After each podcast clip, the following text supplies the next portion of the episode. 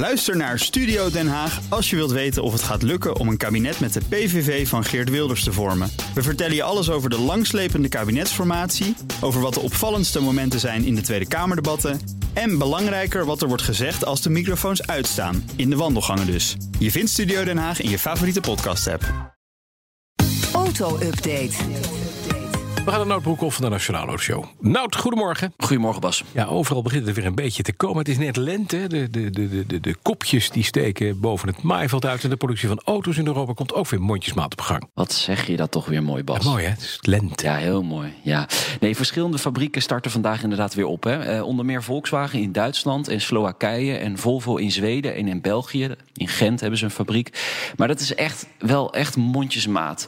Kleine aantallen. En dat is natuurlijk ook afhankelijk van de auto-onderdelen die ze geleverd krijgen van toeleveranciers.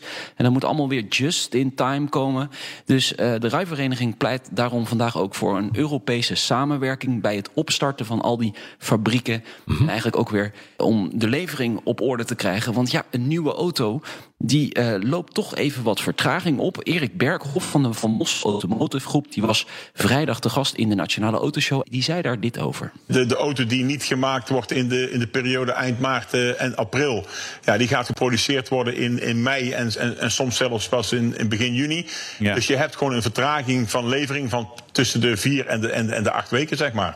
En de ene fabriek kan dat wat sneller opvangen dan de andere. Maar je moet toch gemiddeld op eh, zeg maar eh, zes weken rekenen dat de levertijd langer wordt. Ja, nou, Dus heb je een auto besteld? Nou, ja, moet je zes weken al, wachten. dat, is, dat is al een wonder als je de auto zou hebben besteld. Ja. Maar eh, hij kan dus anderhalf maand later, komen.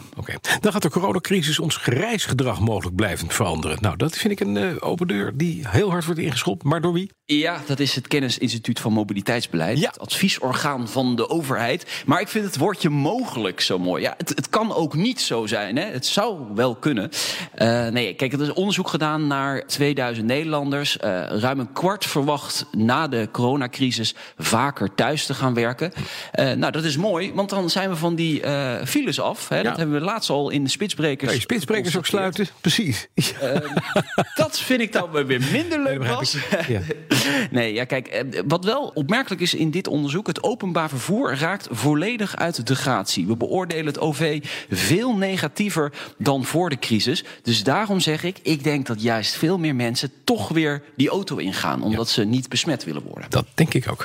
Dan is een onderzoek gedaan naar de levenscyclus van auto's. En wat blijkt? Ja, interessant verhaal in de Volkskrant. Eh, die hebben een onderzoek eh, in handen van een Europese milieuorganisatie. Dan moet ik er ook meteen weer bij zeggen, milieuorganisatie. Hè. Dus die Milieu, hebben gekeken, ja? milieu, ja. Gekeken naar de energieketen, dus de productie, eh, de onderdelen die nodig zijn, de accu, het opladen. Nou, en de conclusie, Bas, daar komt hij. Een elektrische auto stoot tijdens zijn levensduur gemiddeld drie keer minder CO2 uit dan een vergelijkbare benzine- of Ja. dieselvariant. Ik citeer. Het is alleen jammer dat de Eh, jouw accu's die, daarop? Ja, de, die accu's die erin zitten, die worden over de hele wereld gesleept. Maar verder is het niet erg. Ford slaat Nee, nog precies. een nieuwe weg in met de Mustang. Ja, ze hebben natuurlijk de elektrische SUV Ja. gepresenteerd. De Mach-E, daar mag je van vinden van wat hij is. Maar ik vind hem er toch een beetje lomp en groot uitzien. Hij komt in Mhm. het vierde kwartaal. Maar er is nog gewoon een normale Mustang. Dat is de Muscle Car natuurlijk.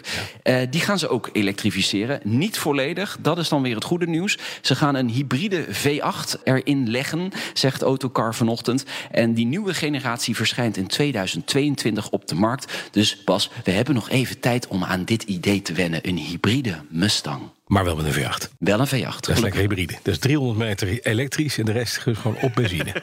Zit er dik in. Ja, en dan gewoon eh, 700 pk wat mij betreft. Dankjewel, Nout Broekhoff. De BNR Auto Update wordt mede mogelijk gemaakt door Lexus. Nu ook 100% elektrisch. Ook Bas van Werven vind je in de BNR-app. Ja, je kunt live naar mij en Iwan luisteren tijdens de ochtendspits. Je krijgt een melding van Breaking News. En niet alleen onze podcast Ochtendnieuws, maar alle BNR-podcasts vind je in de app. Download nu de gratis BNR-app en blijf scherp.